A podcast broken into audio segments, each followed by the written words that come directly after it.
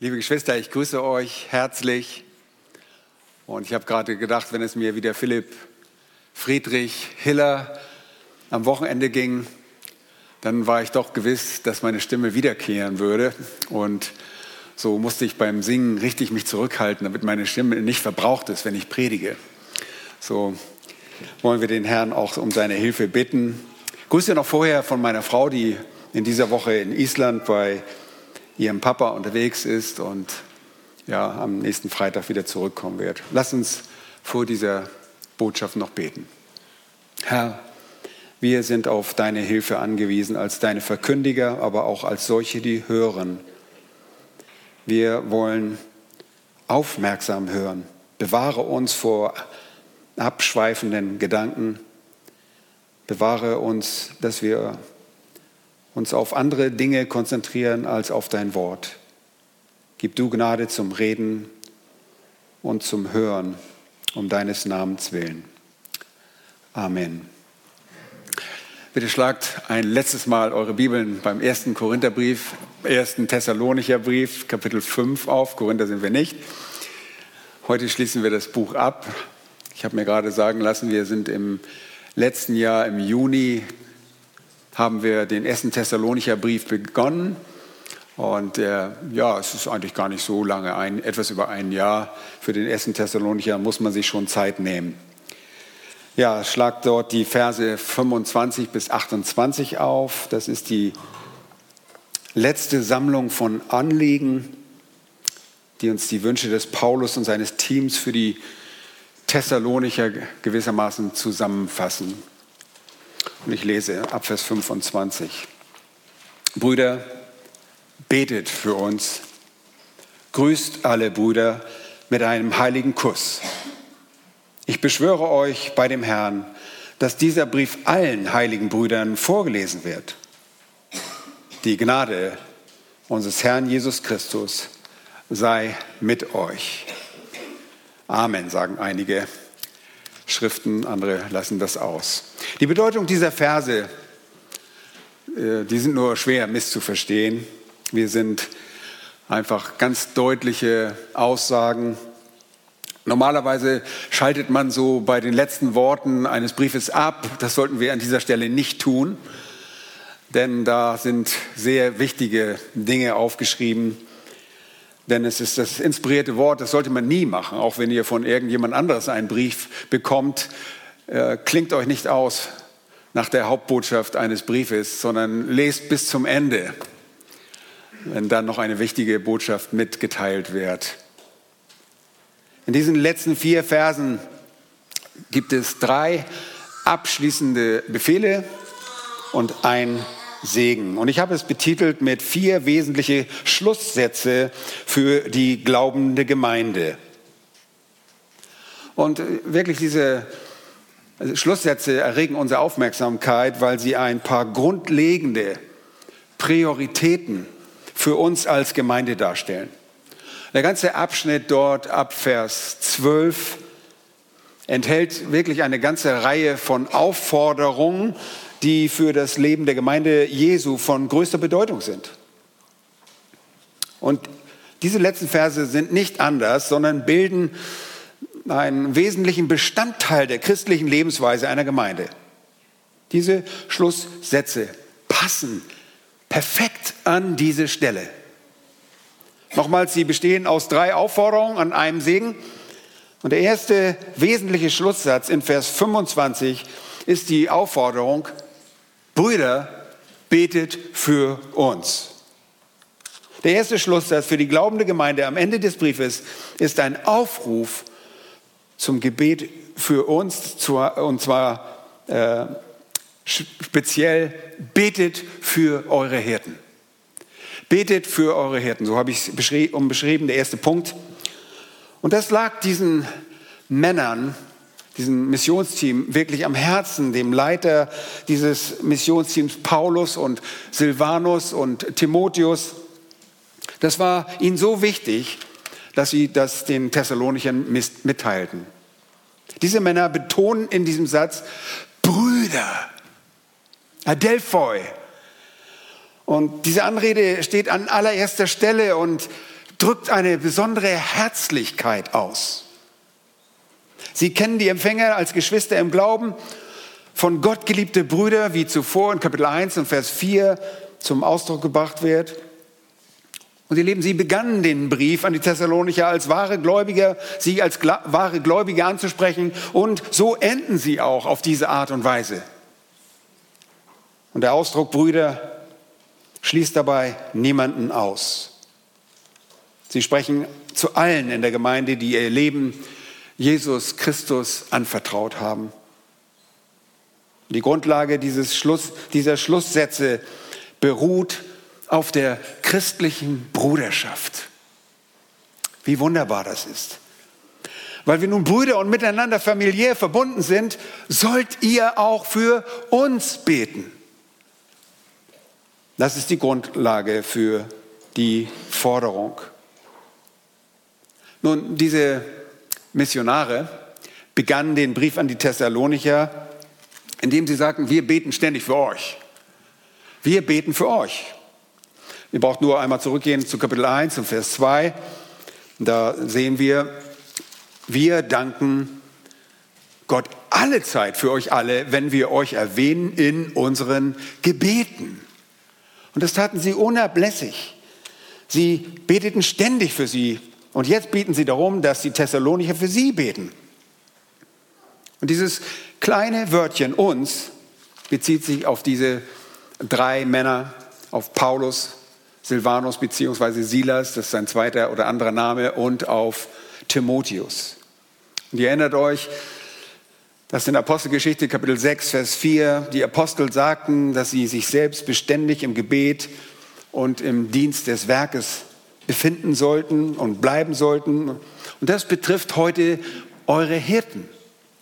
Das betrifft alle Hirten, die Aufseher einer Gemeinde. Ihr Lieben, wir als Hirten dieser Gemeinde konzentrieren uns primär auf die Anliegen unserer Gemeinde. Und dieses Team ist uns dabei wirklich ein Vorbild. Sie waren dem treu und sie beteten ohne Unterlass für die Thessalonicher.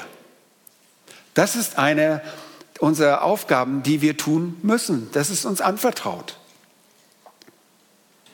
Nun, jetzt bitten Sie einfach diese Männer darum, dass die Herde dasselbe für sie tun möge, nachdem sie gesagt haben, wir beten für euch. Und einige der griechischen Handschriften haben das Wort auch in diesem Satz, ähm, sodass es dann heißt, Brüder, betet auch für uns. Denn ihr erinnert euch, in Vers 23 ähm, wurde, oder Vers 17 wurden sie aufgefordert, betet unter, ohne Unterlass. Und so passt es eigentlich mit dem auch, betet auch für uns. Also betet nicht nur ohne Unterlass, sondern auch für uns. Oder das würde auch zu Vers 23, könnte das auch passen, wo die Missionare für die Herde beten. Da heißt es, er selbst aber, der Gott des Friedens, heilige euch durch und durch. Und hier sagen sie einfach, so wie wir für euch gebetet haben, so sollt ihr auch für uns beten. Also, ob dieses auch nun dahin gehört oder nicht, das wissen wir nicht ganz genau. Schaden tut es nicht, aber es ändert auch nichts an der Aussage. Und so bitten sie die Thessalonicher, dass sie für diejenigen beten, die ihnen als geistliche Leiter vorstehen, ihre Hirten sind. Die Befehlsform von Beten steht hier im Präsenz, in der Gegenwartsform. Und das bedeutet, dass es eine Aufforderung zu einem fortwährenden, einem stetigen Beten ist, einem stetigen Handeln, einem konstanten Beten. Die Missionare wissen, dass sie vom Gebet der Gläubigen abhängig sind.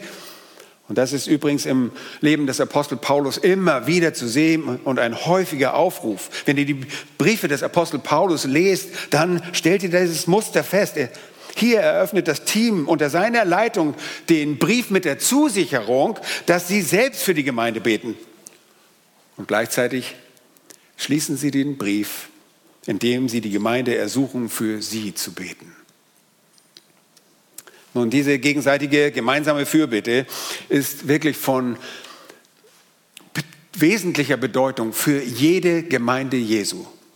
für jede lokale Gemeinde. Jemand kommentierte dieses Anliegen einmal und sagte, Zitat Beginn, Paulus kannte keine schnellere Methode, das Evangelium in feindliches Territorium zu befördern, als die Rekrutierung von bekehrten Christen zum Dienste des Gebets. Er verließ sich darauf als seine grundlegende Waffe. Zitat Ende. Dieser Paulus und sein Missionsteam waren normal sterbliche Menschen und sie brauchten die Gebete der Gläubigen. Sie waren so schwach wie auch wir. Sie waren im Fleisch schwach wie wir. Ihre Fähigkeiten und Kenntnisse, sie unterlagen Einschränkungen, selbst wenn sie äußerst gelehrt und diszipliniert waren. Und wie ihr wisst, sie erlitten Opposition von Feinden, die vor allem Paulus zu Fall bringen sollte, weil er der Apostel darunter war. Und so rief er ständig auf, dass Leute für ihn beten und für seine Mitarbeiter Fürbitte tun sollten. Jeder von uns, und da schließt uns mit ein als Hirten, wenn wir uns mit Paulus vergleichen, dann schließen wir eigentlich nicht so gut äh, ab. Also den, den machen wir eigentlich im Vergleich, schneiden wir schlecht ab. Aber wenn Paulus schon sagt, er braucht Hilfe, wie viel mehr dann wir, die wir im Vergleich zu Paulus immer schlechter abschneiden, weil wir so viel weniger wissen, so viel weniger diszipliniert sind als der große Apostel. Wir tun gut daran, dass auch wir für unsere Hirten beten. Und das Beten für eure Hirten ist in unserer Gemeinde eine sehr, sehr ernste Angelegenheit. Ihr könnt diese Angelegenheit nicht einfach mal folgen oder mal vernachlässigen. Und ich bitte euch, dass ihr dazu einmal den Römerbrief Kapitel 15 aufschlagt. Römer Kapitel 15.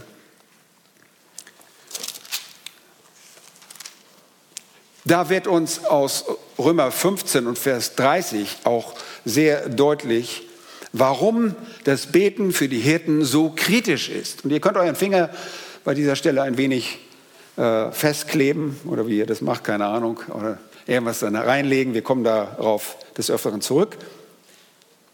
In Römer 15, Vers 30 wird uns klar, warum das so kritisch ist. Dort steht am Ende des Briefes, vom Römerbrief, Vers 30, Kapitel 15, Vers 30. Ich ermahne euch, ihr Brüder, um unseres Herrn Jesus Christus und der Liebe des Geistes willen, dass ihr mit mir zusammen kämpft. Wie? In den Gebeten für mich zu Gott. Und diese römischen Gläubigen sollten mit Paulus im Gebet kämpfen. Und das Wort, das hier steht, gemeinsam kämpfen, ist das Wort Synagenizomai. Da steckt das alte Wort Agonie drin, Synagonizomai. Das Agonie, Qual, sich quälen bedeutet das. Und das ist dasselbe Verb, das auch in Johannes 18, Vers 36 ver verwendet wird und dort mit kämpfen übersetzt wurde, wird. Und er bittet, dass sie mit ihm in den Gebeten kämpfen. Das ist auch unser Wunsch als Hirten dass ihr das mit uns tut. Bitte, liebe Geschwister,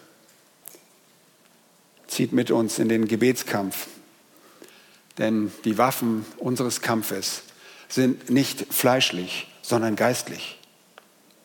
Und eine dieser geistlichen Waffen ist das Gebet. Es ist euer Gebet für uns. Es ist eine Waffe im geistlichen Kampf. Und wir brauchen euch an unserer Seite im Gebet zu Gott.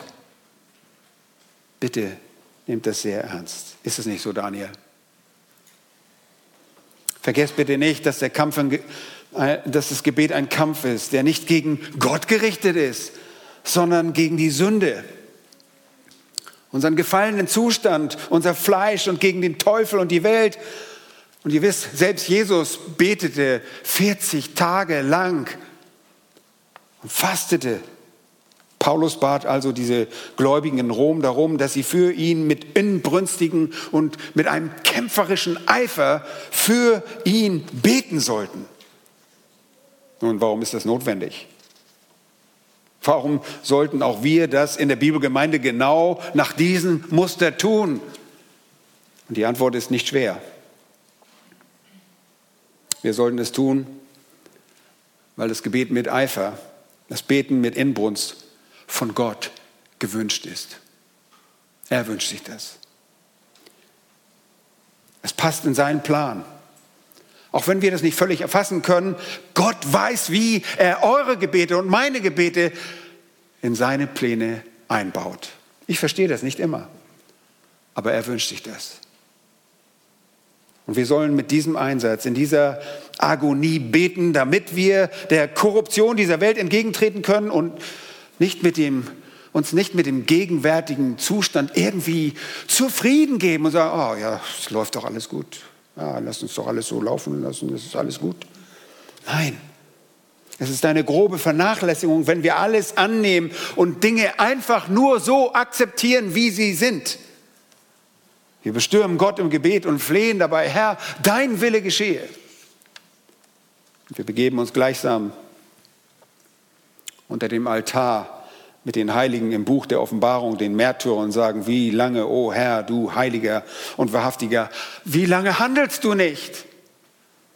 So kommen wir zum Gebet. Selbst unser Herr Jesus Christus tat es.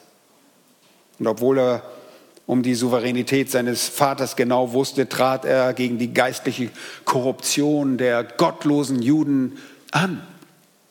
Er widerstand der Macht der Sünde, er widerstand der Sündhaftigkeit, die am Kreuz auf ihn niederkommen sollte. Und er widerstand der Macht, die sein Leben nehmen wollte. Oh, erinnert ihr euch? Manches Mal wollten sie ihn schon umbringen. Aber erst als er sagte, jetzt sterbe ich, starb er. Und er widerstand dieser Macht und er betete sogar im Garten Gethsemane und er schwitzte dabei sogar Blutstropfen. Das war eine Agonie im Kampf seines Gebetes. Er widerstand den Dingen, die gegen die Heiligkeit Gottes gerichtet waren und führte sich nie in irgendein ähm, unvermeidliches Ende und sagte dabei, tja, das ist halt so, lasst es so geschehen, können wir nicht ändern. Oh doch, er betete und deshalb werden auch wir gemäß Paulus und seiner Begleiter dazu aufgefordert, in einer kämpferischen Qual für geistliche Leiter zu beten. Nun, wir wollen uns die Macht des Gebets zunutze machen. Und ihr müsst es tun, zugunsten des Reiches Gottes und zugunsten der Hirten, die euch dienen. Und das hat nichts mit unserem Egoismus zu tun, sondern wir gehören zusammen. Es ist eine ernsthafte Pflicht, dass ihr für eure Hirten betet. Ihr Lieben, wenn ihr für uns betet, dann aus den folgenden Gründen. Und das habe ich jetzt nicht aufgeschrieben, könnt ihr fünf Punkte kommen jetzt, die unter Punkt 1 gehören. Erstens wird in der Schrift gesagt, dass ihr für die Sicherheit eurer Hirten beten sollt. Betet für unsere Sicherheit. Und da brauchen wir noch ein, ein Buch weitergehen, im zweiten Thessalonicher Brief und Kapitel 3 und Vers 1. Da heißt es im Übrigen, betet für uns. Seht ihr, da wiederholt er das. Ihr Brüder, damit das Wort des Herrn ungehindert läuft und verherrlicht wird, so wie bei euch. Und dass wir errettet werden von den verkehrten und bösen Menschen, denn nicht alle haben den Glauben. Seht ihr, es ist wichtig für die Sicherheit der Pastoren zu beten. Wir müssen erlöst werden von verkehrten und verdorbenen Menschen. Sie sind darauf aus, uns zum Schweigen zu bringen und dabei sind ihnen alle Mittel recht. Ein Mittel wäre die Zerstörung unseres Rufes durch Lügen, die Zerstörung der Arbeit selbst, indem man einfach Zwietracht sät, Unfrieden stiftet, rebelliert innerhalb des Dienstes indem man all diese Dinge einfach in die Gemeinde bringt. Es kann auch die Zerstörung des Lebens sein. Ich sage immer, wenn Verfolgung kommt, sind die Ersten, die tot sind, die Leiter. Dann rollen die Köpfe zuerst. Nun, ich habe euch gesagt, haltet eure Finger mal in Römer 15. Ich muss das nochmal zurückgehen hier, zu Römer 15. Schaut da mal in Vers 30 und 31. Dort schreibt Paulus, kämpft in den Gebeten für mich zu Gott, dass ich bewahrt werde vor den Ungläubigen in Judäa. Betet, dass ich von den Ungläubigen in Judäa errettet werden, die dem Evangelium gegenüber feindlich eingestellt sind. Und zu diesem Zeitpunkt wusste Paulus noch nicht, was sie tun würden. Nur wenig später in Apostelgeschichte Kapitel 21 fand er heraus, dass sie ihnen Ketten anlegen würden, inhaftieren würden, ganz wie ihnen das der Prophet Agabus offenbaren sollte.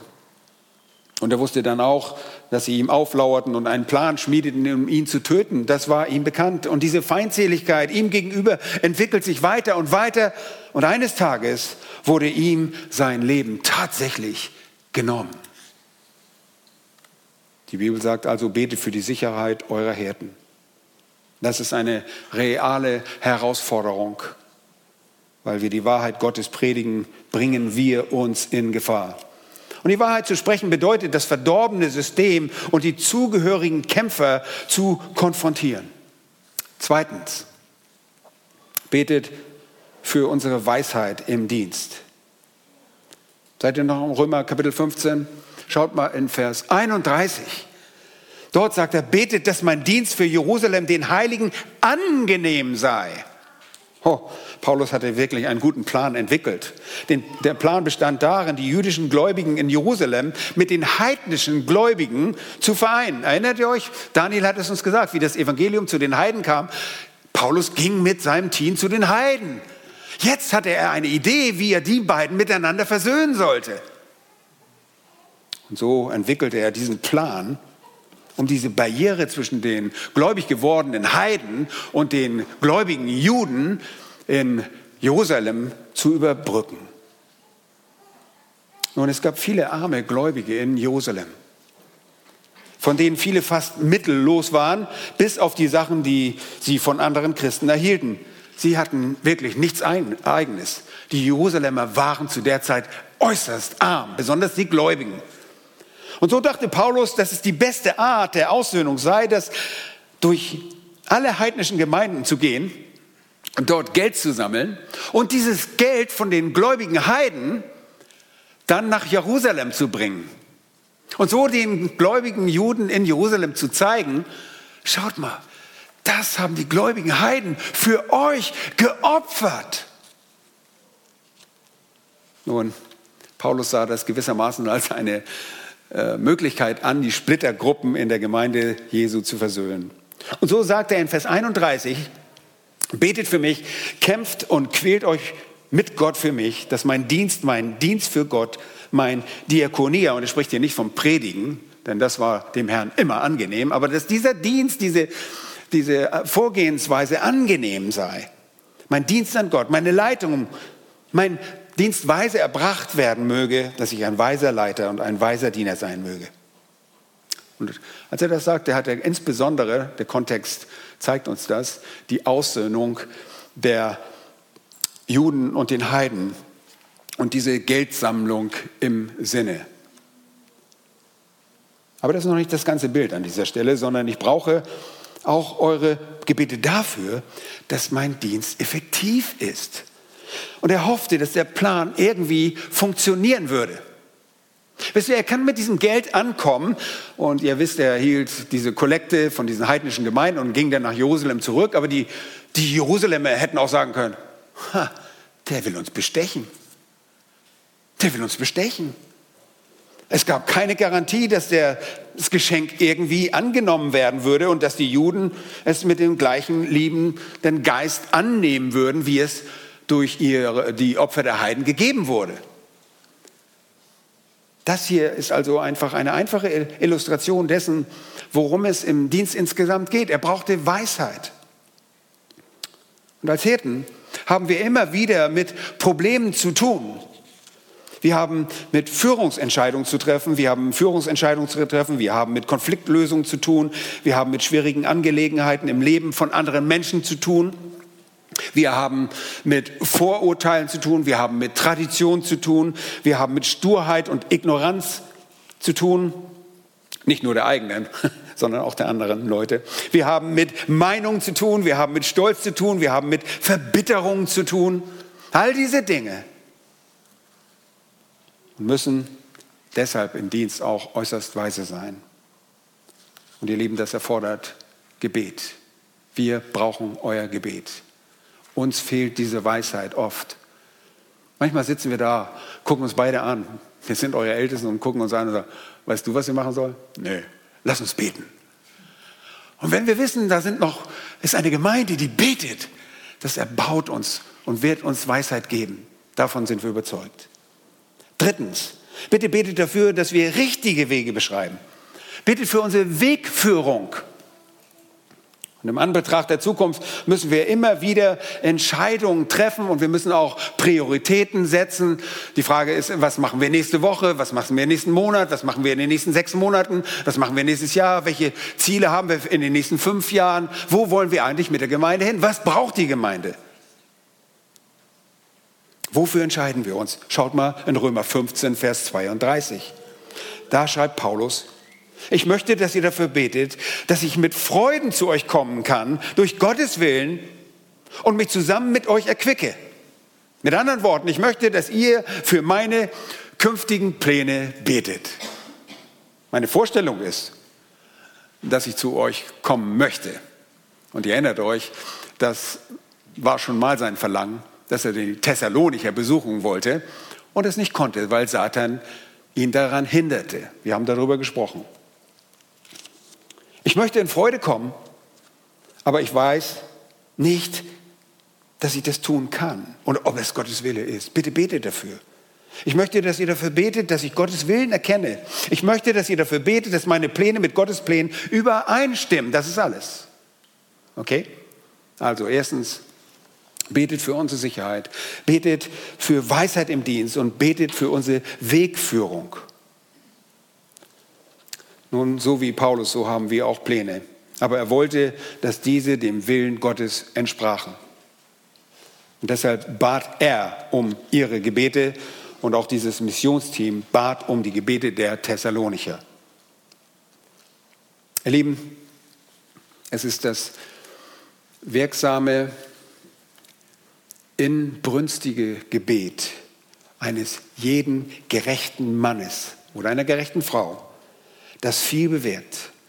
Es ist nicht das Gebet von jemandem, der im vollzeitigen Dienst für Gott steht, nicht notwendigerweise, sondern jede Person. Deshalb ist euer Gebet gefragt. Wir brauchen eure Gebete. Und eure Gebete für uns vor dem Thron Gottes sind kritisch. Übrigens, der Herr beantwortete all diese Anliegen des Apostel Paulus er schaffte es sicher nach Jerusalem. Er wurde dort freudig begrüßt und drittens schaffte er es auch nach Rom und wurde erquickt im Willen Gottes bei den Römern zu sein. Seht ihr, die Gebete der Gemeinde für ihre Hirten, für ihre Leiter werden erhört. erhört. Paulus sagte also, betet für diese Angelegenheit, die Sicherheit, die Weisheit und die Wegführung.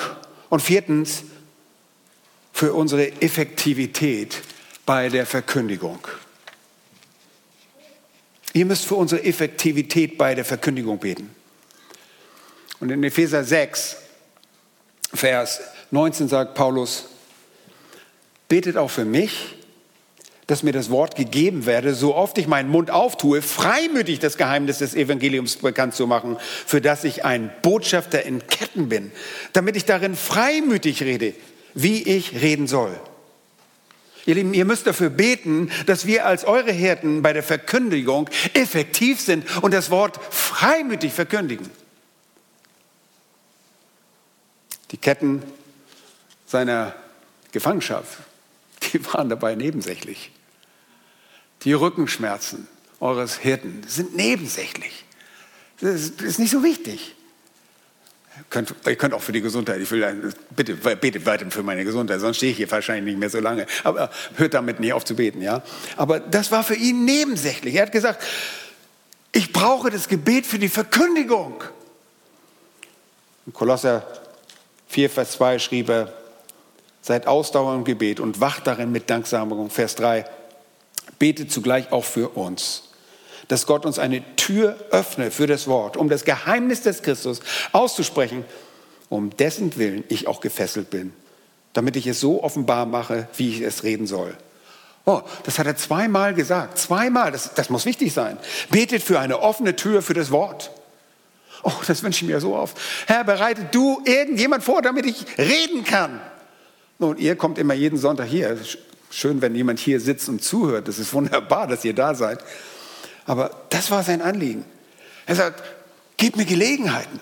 Betet dafür, dass sich die Tür zur Verkündigung öffnet und wenn sie sich öffnet, dass ich so spreche, wie ich es tun solle oder sollte. Und zwar wie? Laut Epheser 6, freimütig, nach Kolosser 4, offenbar, das ist klar und wie Gott es wünscht. Lieben, das ist unser Anliegen, dass wir verkündigen das, was Gott sagt. Das ist wirklich unser Anliegen. In 2. Thessalonik 3.1 haben wir gesehen, dass das wunderbare Bild. Nochmals, im Übrigen betet für uns, ihr Brüder. Das ist das nächste Buch, das wir auch in den kommenden Monaten anfangen werden, beziehungsweise auslegen werden. Aber da heißt es in Vers 1, betet für uns, ihr Brüder, damit das Wort des Herrn ungehindert läuft und verherrlicht wird. Verfolgt dabei einmal diesen Gedanken. Während er über diesen Punkt der Verkündigung spricht, sagt er zuerst, dass sie dafür beten sollen, dass die Tür sich öffnet. Also erstens bedeutet das, dafür zu beten, dass er eine Gelegenheit zum Sprechen hat, dass sich so eine Gelegenheit ergibt. Das ist das Erste. Zweitens, wenn diese Gelegenheit dann da ist, betet er, dass er so sprechen wird, wie er sprechen soll. Das ist das Zweite. Und drittens, ist es nötig, wenn wir bei diesen Gelegenheiten freimütig und klar sprechen, dafür zu beten, dass das Wort sich von dort aus ausbreitet und verherrlicht wird. Wie, wie geschieht das denn? Und indem Leute es annehmen, zum Glauben kommen und dann Gott verherrlichen und es auch wieder weitergeben. Durch die richtige Reaktion wird das Gott, Wort Gottes verherrlicht. Und wenn wir die geistlich Toten erwecken, ihr Lieben, dann braucht es die Kraft Gottes durch sein Wort, wenn es richtig verkündigt wird. Wenn ihr also eure Hirten betet, betet für ihre Sicherheit, betet für ihre Weisheit, ihre Wegführung und ihre Verkündigung. Fünftens, und das ist der letzte Punkt, betet für unsere geistliche Stärke. Betet für geistliche Stärke. Oh, das ist eigentlich allgemein. Das beten wir auch für euch, aber bete besonders auch für unsere Stärke. Und wenn wir auf Epheser 6 blicken, dann erkennen wir dort die Rüstung des Christen für den geistlichen Kampf. Und wir lernen in Epheser 6, Vers 12, dass unser Kampf nicht gegen Fleisch und Blut ist, sondern was? Gegen die Herrschaften, gegen die Gewalten, gegen die Weltbeherrscher der Finsternis dieser Weltzeit, gegen die geistlichen Mächte der Bosheit in den himmlischen Regionen. Und all das ist, das ist der Gegner. Wir erfahren von dem geistlichen Kampf, dass er stattfindet. Nämlich wenn der Feind, Satan und das ganze Pandemonium, seine, seine Lakaien, seine ganzen Diener sich dafür engagieren, das bereits schwache menschliche Fleisch zu versuchen und zu verseuchen und uns von geistlicher Stärke abzukehren.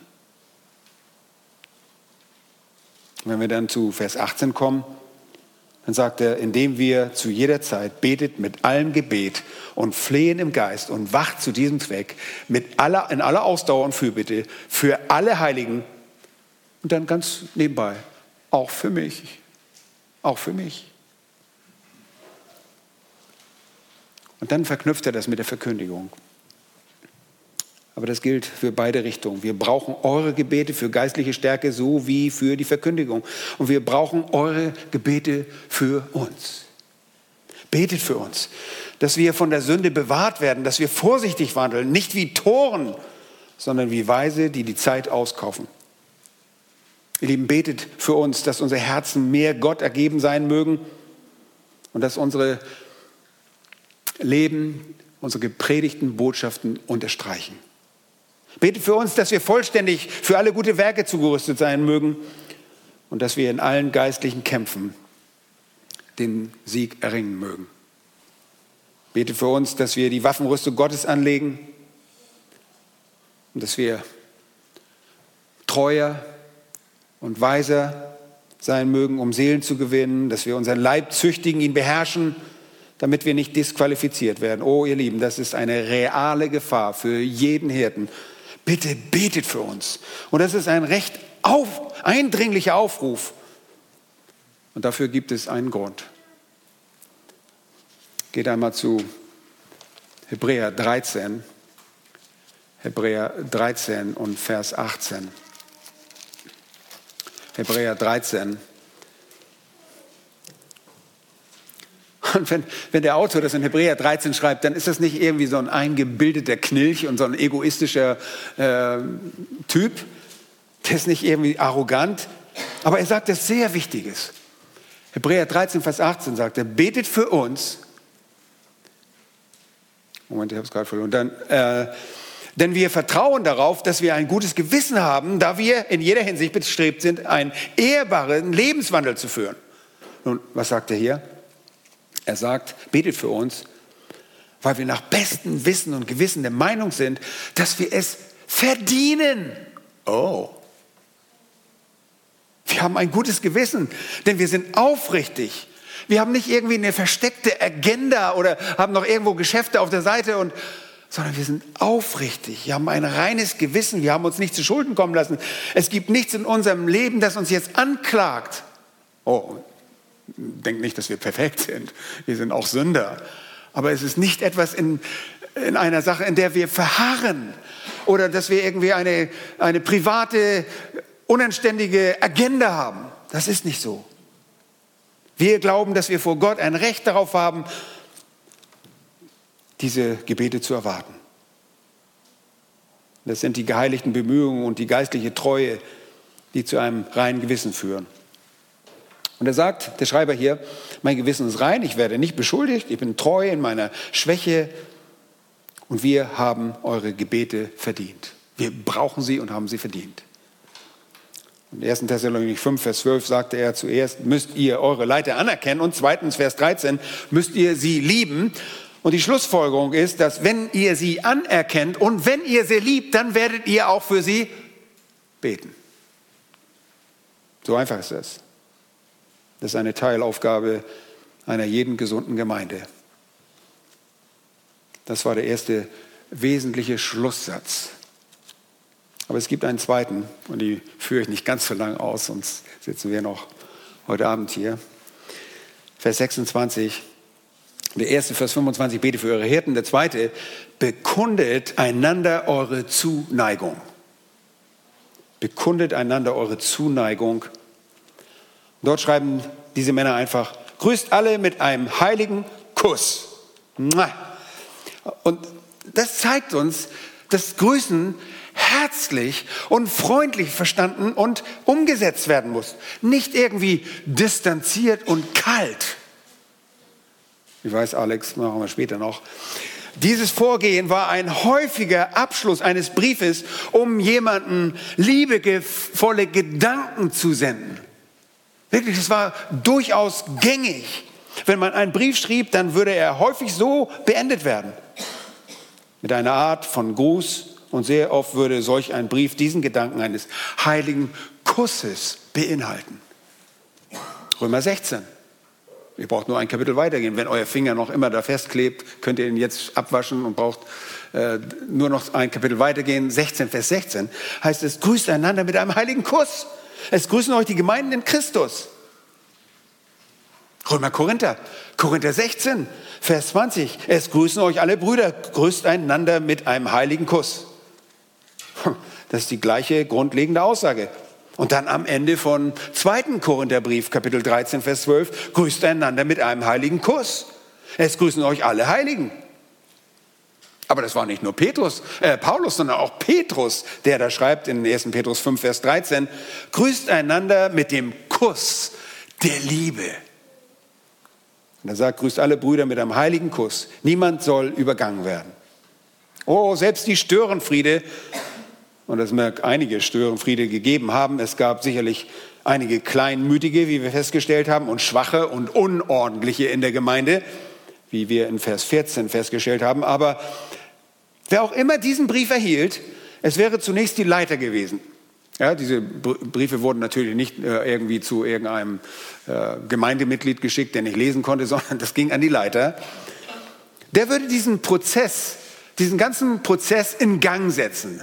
Ja, wenn du also diesen Brief bekommst, dann würdest du diesen Prozess in Gang setzen, bis die Liebe Christi durch diese Brüder jedem gegenüber durch eine körperliche Geste bezeugt werden würde. Eine Geste, die sich heiliger Kuss nannte. Ein Zeichen der Zuneigung. Und sie wollten, dass ihre Liebe einander äh, demonstriert wird, demonstrativ, körperlich. Ihr Lieben, Berührung ist sehr wichtig. Und sie spricht Bände. Sie transportiert Zärtlichkeit und Zuneigung. Und genau das sagen sie. Grüßt einander mit einem heiligen Kuss. Ihr, die ihr diesen Brief erhaltet, sendet ihn an die Brüder weiter und lasst die ganze Gemeinde an meiner Zuneigung und der Zuneigung der anderen teilhaben.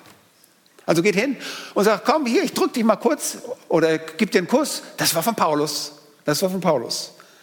Und der Kirchenvater Chrysostom oder Chrysostom ja, sagte, da er abwesend sei, könne er nicht mit einem Kuss grüßen. Er grüßt die durch andere, als wenn wir sagen, küsst ihn für mich.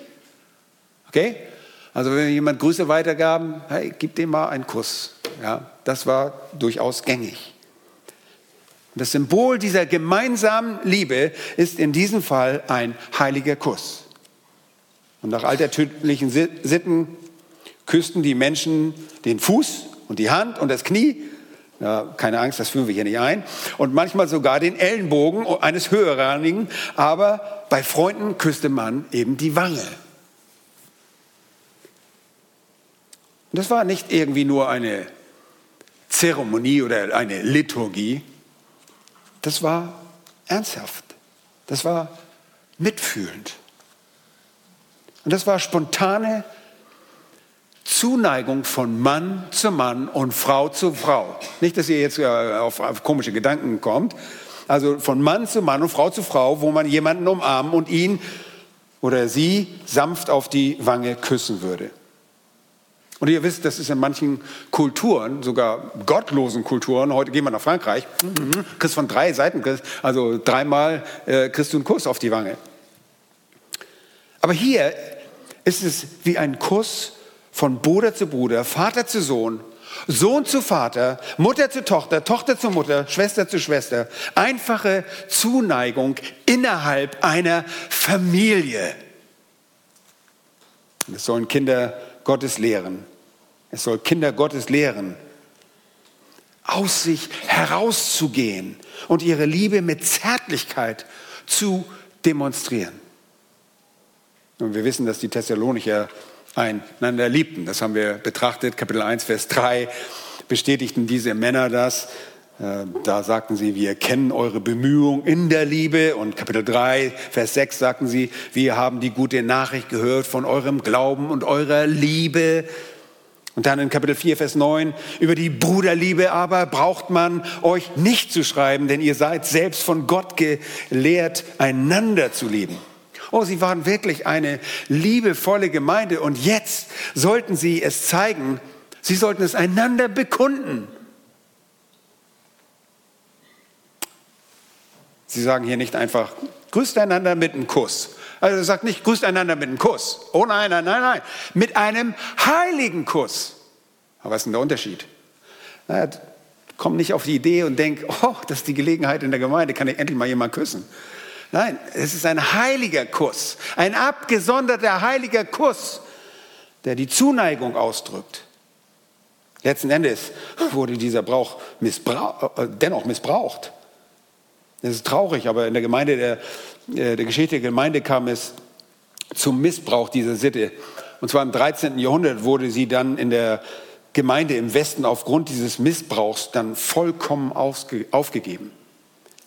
Auf dem Weg zur Abschaffung im 13. Jahrhundert versuchte die Kirche, es unter Kontrolle zu bringen und machte diesen Kuss dann zum Bestandteil ihrer Liturgie.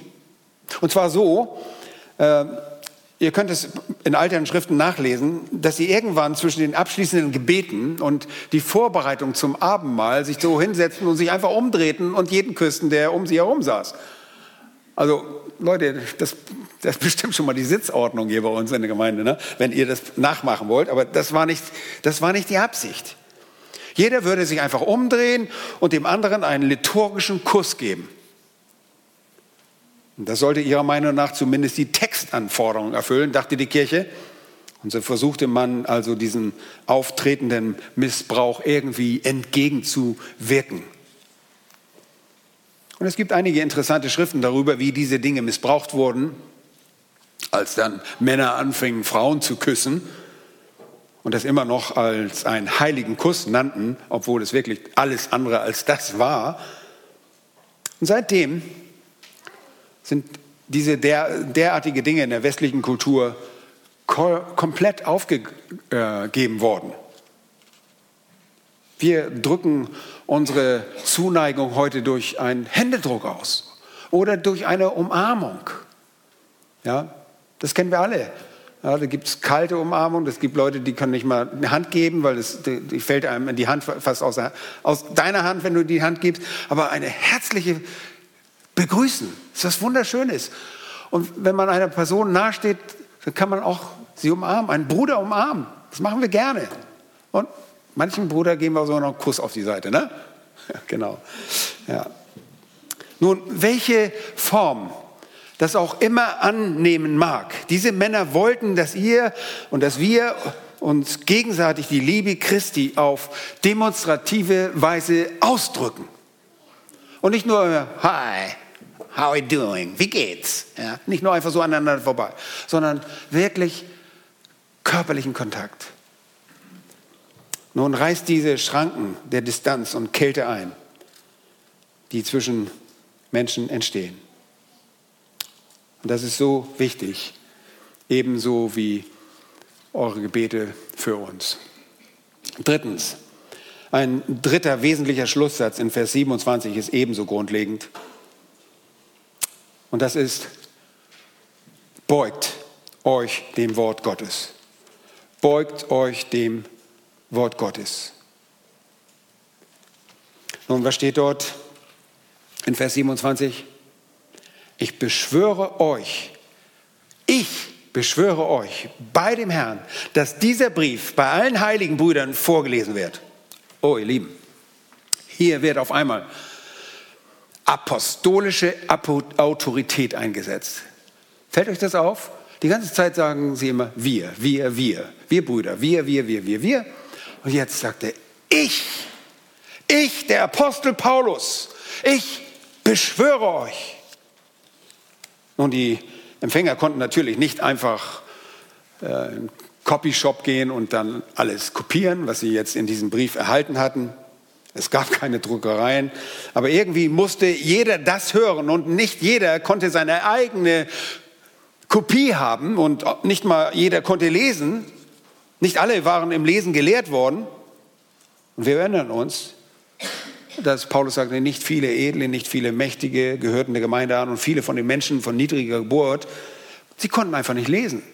Deshalb beschwört er sie, dass dieser Brief bei allen heiligen Brüdern vorgelesen wird. Es war unverzichtbar. Und deshalb rufen sie dazu auf, dass er vorgelesen wird. Warum? Erstens, weil der Brief, was ist? Das inspirierte Wort Gottes. Sie wussten schon damals, dieser Brief, das ist nicht nur ein Brief von Paulus. So wie die Thessalonik das auch in Kapitel 2, Vers 13 begriffen, dass diese Worte, die von Paulus kamen, nicht Menschenwort waren, sondern Gottes Wort. Sie nahmen es als Gottes Wort auf. Zweitens, weil das Geschriebene die direkte göttliche Antwort auf die Probleme in der Gemeinde zu Thessalonik ist. Das ist eine Antwort. Hier sind die Antworten, die eine Gemeinde brauchte und die wir heute auch brauchen.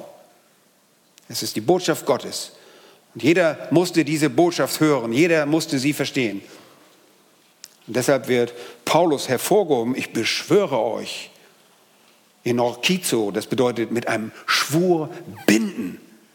Es ist tödlicher Ernst. Ich verpflichte euch, ich, der Apostel Jesu Christi, um sicher zu sein, dass ihr dafür sorgt, beschwöre ich euch.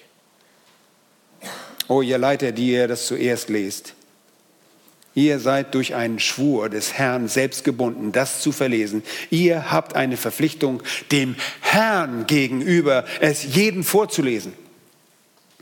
Oh, es ist nicht Paulus, es ist der Herr. Der Herr ist derjenige, der diese Forderung stellt. Es ist sein Wort. Das beschreibt Paulus mit der Autorität eines Apostels. Das fällt so deutlich auf. Hier werden die Fürworte gewechselt. Nicht wir, Silvanus auch mit einschließend Timotheus, sondern er sagt, ich. Paulus war der Apostel, Silvanus war der Prophet, Timotheus war ein angehender Hirte, ein Praktikant sozusagen noch mit auf dem Weg. Nein, ich, der Apostel der Heiden, der Gesandte Christi. Nun, wenn ich zu euch sagen würde, ihr Lieben, nächsten Sonntag, nächsten Sonntag werde ich die das inspirierte Wort Gottes für euch hier von dieser Kanzel verkündigen. Kommt bitte alle hierher, damit ich es euch über unsere Gemeinde vorlese. Ich möchte, dass ihr diesem Wort zuhört. Ho. Dann werdet ihr doch hier. Nun, die Ironie dabei ist, wir tun das jede Woche. Jede Woche verkündigen wir das Wort Gottes. Selbst wenn ihr nicht hier seid und es verpasst, was Gott gesagt hat, das wollen wir von dieser Kanzel verkündigen. Im Buch der Offenbarung wird noch einmal wiederholt, lasst die Gemeinde hören, was der Geist sagt.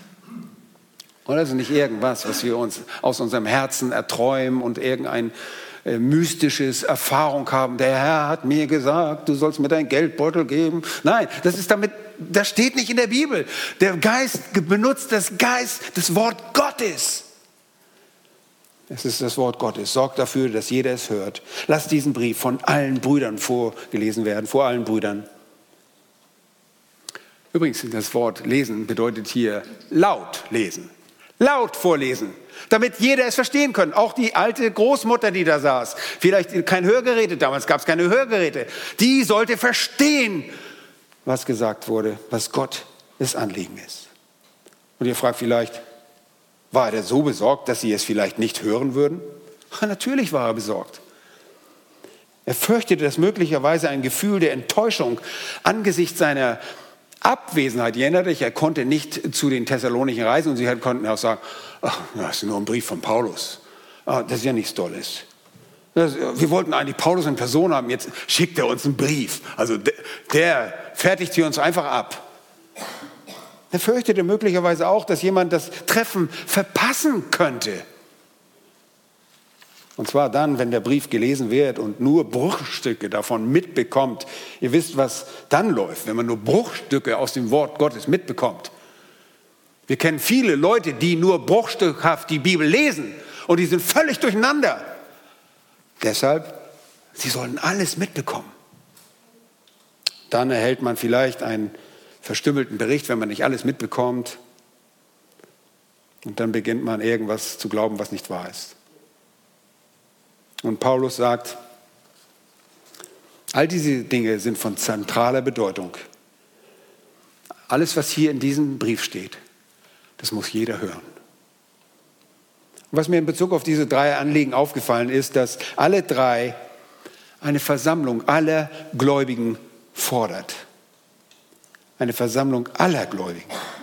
Und ich bin mir sicher, beim Gebet für die Hirten, das war ein Teil davon war öffentlich.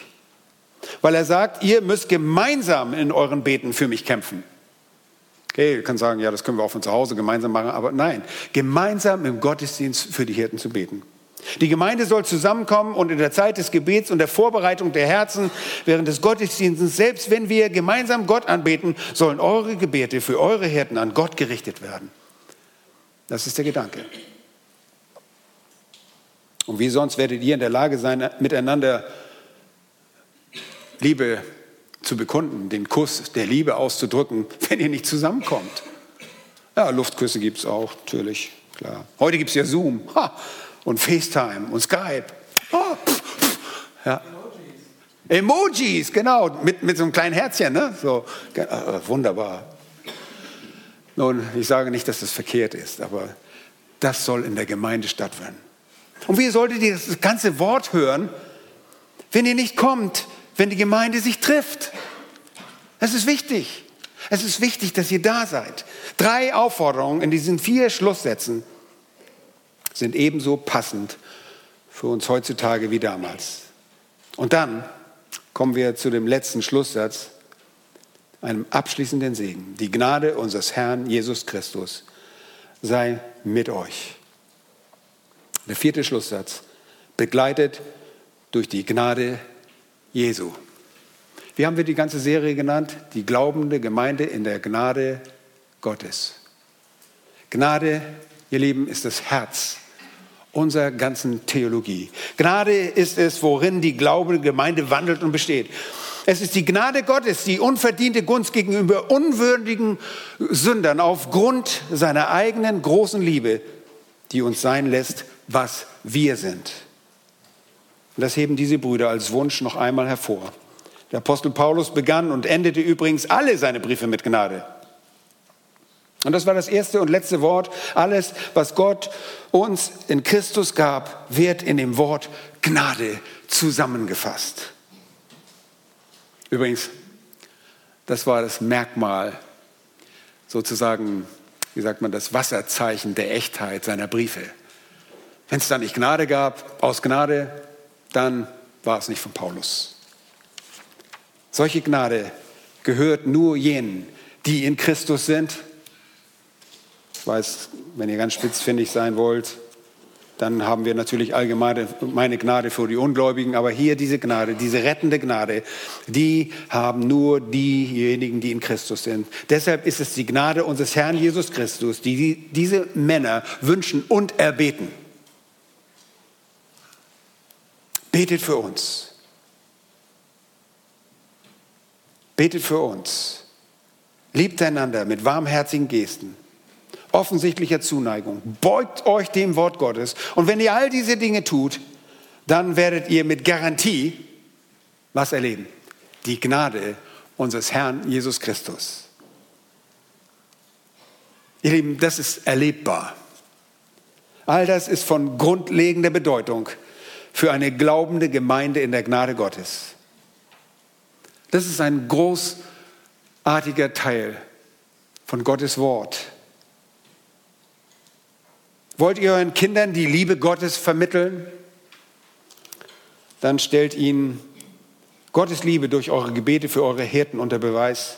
Stellt die Liebe Gottes durch die Bekundung eurer gegenseitigen Zuneigung unter Beweis.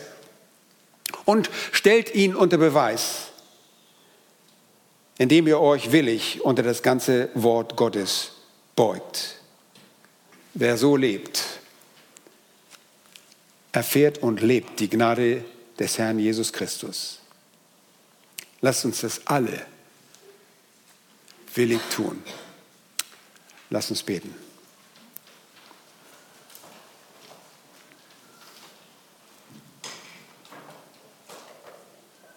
Geliebter Herr,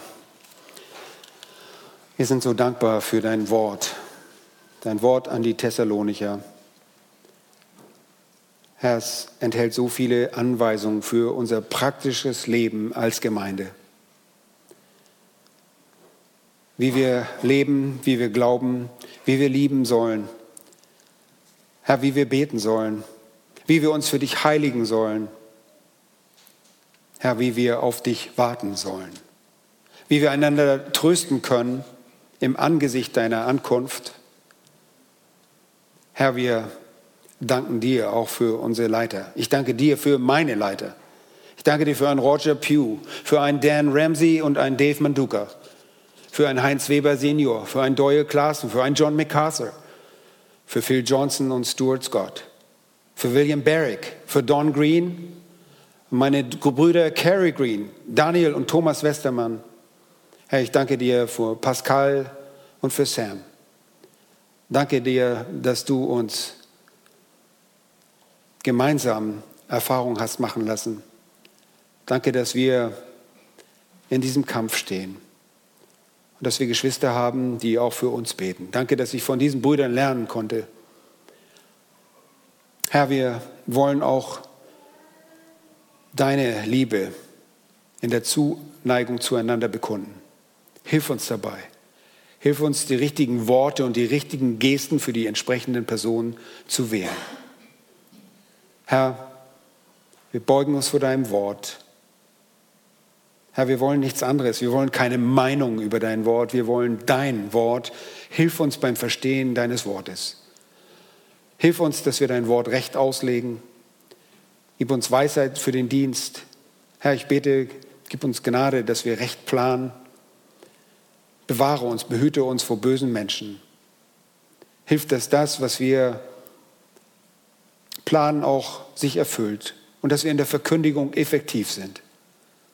Oh, wir danken dir für die Gnade, das Wirken deiner unverdienten Gunst in unserem Leben. Herr, diese Gunst, die immer noch da ist, der Ruf zur Umkehr für diejenigen, die deine Gunst nicht kennen. Herr, du rufst Menschen auf, komm zu mir, bekenne deine Schuld, folge mir nach, diene mir, denn das bist du dem Herrn schuldig. Oh, wir danken dir, dass wir als deine Kinder deine loyale Liebe erfahren, die nicht aufhört, weil wir schuldig vor dir werden. Danke, dass wir uns wieder reinigen dürfen, dass wir aufstehen können in dem Wissen, du liebst uns. Du liebst uns bis zum Ende. Und in dieser Gewissheit freuen wir uns, dass wir deine Kinder sind, in einer Gemeinde, die du baust die du zusammengestellt hast. Ich bete für die Bibelgemeinde. Herr, lass uns ein Zeugnis deiner großartigen Liebe sein, indem wir tun, was dein Wort sagt. Hilf uns auch diese wesentlichen, diese essentiellen Schlusssätze zu beachten in allem, um deines Namens willen. Amen.